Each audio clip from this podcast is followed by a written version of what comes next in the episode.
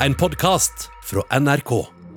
Nyheten om at en liten, krokete og gråhåret gammel dame fra New York er død, går verden rundt. Folk sier at dødsfallet faktisk har forandret det amerikanske presidentvalget. Ja, helt konkret så sier enkelte at Trump nå endelig kan klare å ta igjen Joe Bidens forsprang. Men hvordan henger dette sammen? Greit nok at Ruth Bader Ginsburg var USAs mest kjente høyesterettsdommer, men likevel. At dødsfallet kan ha endret presidentvalget. Hun var jo tross alt 87 år gammel og døde av helt naturlige årsaker. Så hvordan er dette mulig?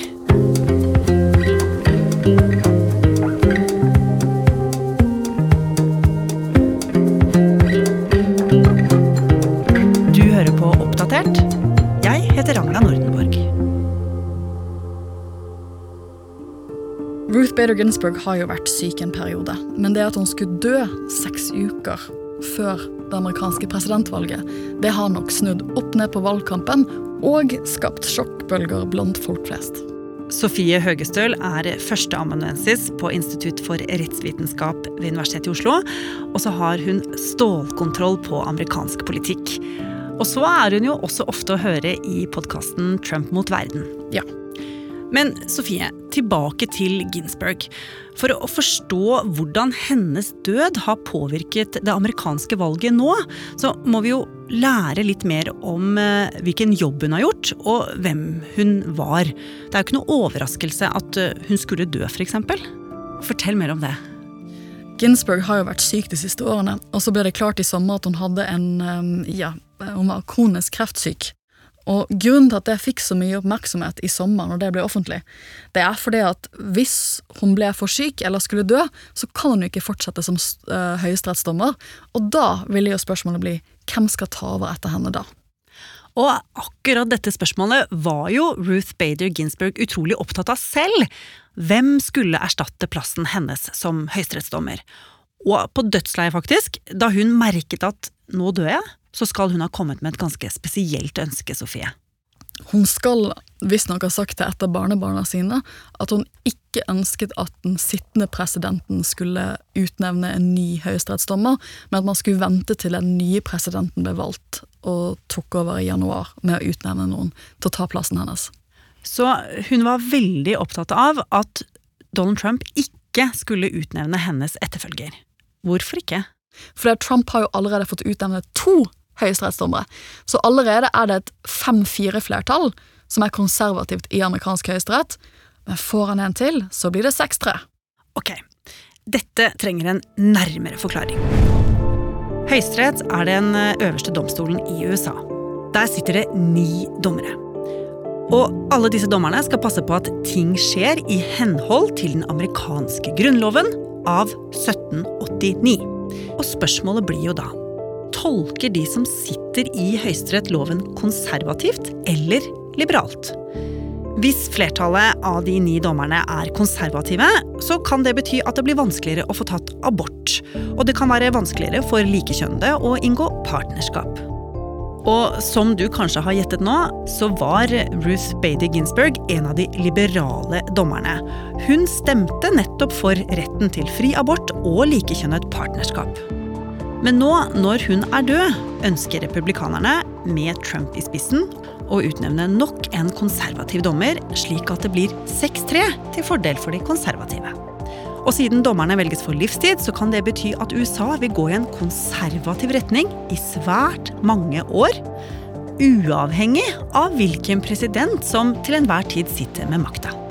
Mange sier derfor at høyesterettsdommerne er like viktige som den amerikanske presidenten.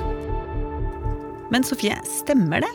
På noen måter er de det, fordi at man ser gjerne på Høyesterett og den amerikanske presidenten som likestilte. Som like viktige grener av staten. Og da kan man jo forstå hvorfor dette får så stor oppmerksomhet i USA om dagen. Ja. Supreme Court Associate Justice Ruth Bader Ginsburg has died at the age of 87. As news broke tonight of the death of Justice Ruth Bader Ginsburg, hundreds of people gathered outside of the Supreme Court in Washington, D.C. to honor her. Ja, Her i Washington så har folk samla seg utenfor høyesterettsbygningen helt siden fredag, da Ruth Bader Ginsburg døde. Dit kommer det mange unge kvinner spesielt, som syns at hun var et kjempestort forbilde for dem. Og det hun spesielt var et forbilde i forhold til, det var jo å kjempe for kvinners rettigheter. Eh, fordi hun gjorde veldig mye for likestillingen i USA, både gjennom sitt virke som advokat før hun ble eh, høyesterettsdommer, og også etterpå. Eh, og det er mange redde for at republikanerne nå kommer til å utnevne en høyesterettsdommer som vil prøve å omgjøre mye av det som, som Ruth Bader Ginsburg fikk til. Tove Bjørgaas er tidligere utenrikskorrespondent i NRK, og nå har hun reist eh, over til Washington igjen for å lage podkasten Krig og fred i Amerika i forbindelse med det amerikanske valget. Og nå sier jo folk at Ginsbergs død kan påvirke valget. Hvordan henger dette sammen? Nå skal jeg forsøke å forklare det. Trump har slitt lenge i valgkampen. Akkurat nå ligger han stort sett 7-8 prosentpoeng bak Joe Biden på mange meningsmålinger. Eh, han har fått mye negativt fokus pga. koronapandemien, økonomien, også disse demonstrasjonene som herjer rundt omkring. Men når det gjelder det å utnevne høyesterettsdommere, så er det noe Trump virkelig har levert på til sine velgere. Han har utnevnt to dommere på bare de fire årene han har sittet som president. Det er mer enn mange andre presidenter har gjort på så kort tid.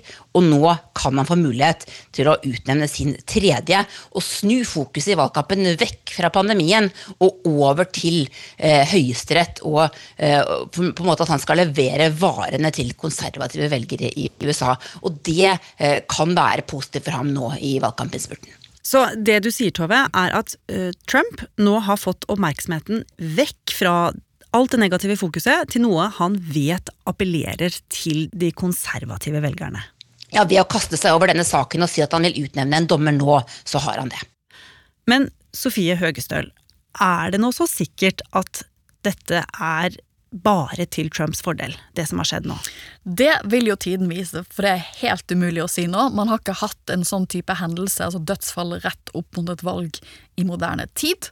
Så hvordan det vil prege valgkampen i neste uke, og hvem som egentlig vinner på det, det vet vi jo ikke. Men det vi kan si med ganske stor sikkerhet, er at Trump tror han vinner på denne saken, for han vet at det er en av de tingene hans velgere vil ha, er nye høyesterettsdommere.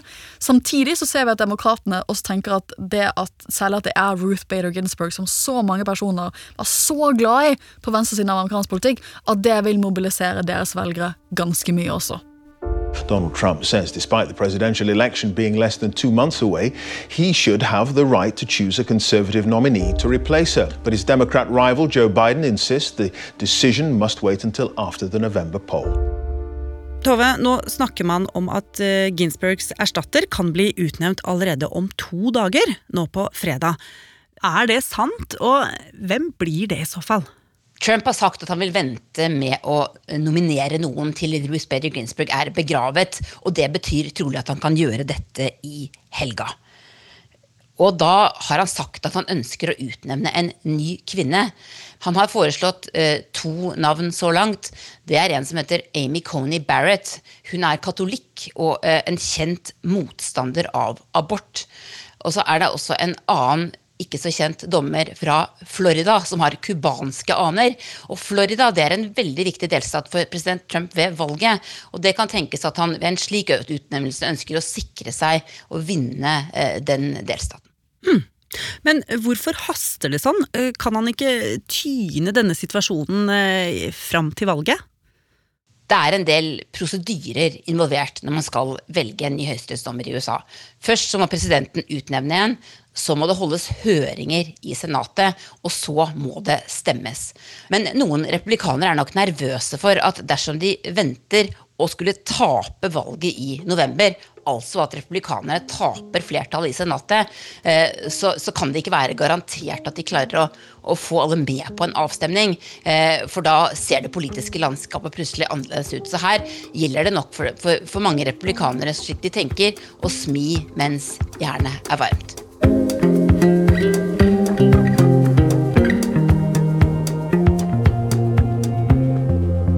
Har du lyst til å bli fast lytter av oss i Oppdatert og få påminnelse om nye episoder, er det bare å trykke på abonner-knappen. Da får du automatisk beskjed når en ny episode er klar. Oppdatert er en podkast fra NRK Nyheter, og vi som jobber her, er Ida Tune Øretsland, Petter Sommer og jeg, Ragna Nordenborg.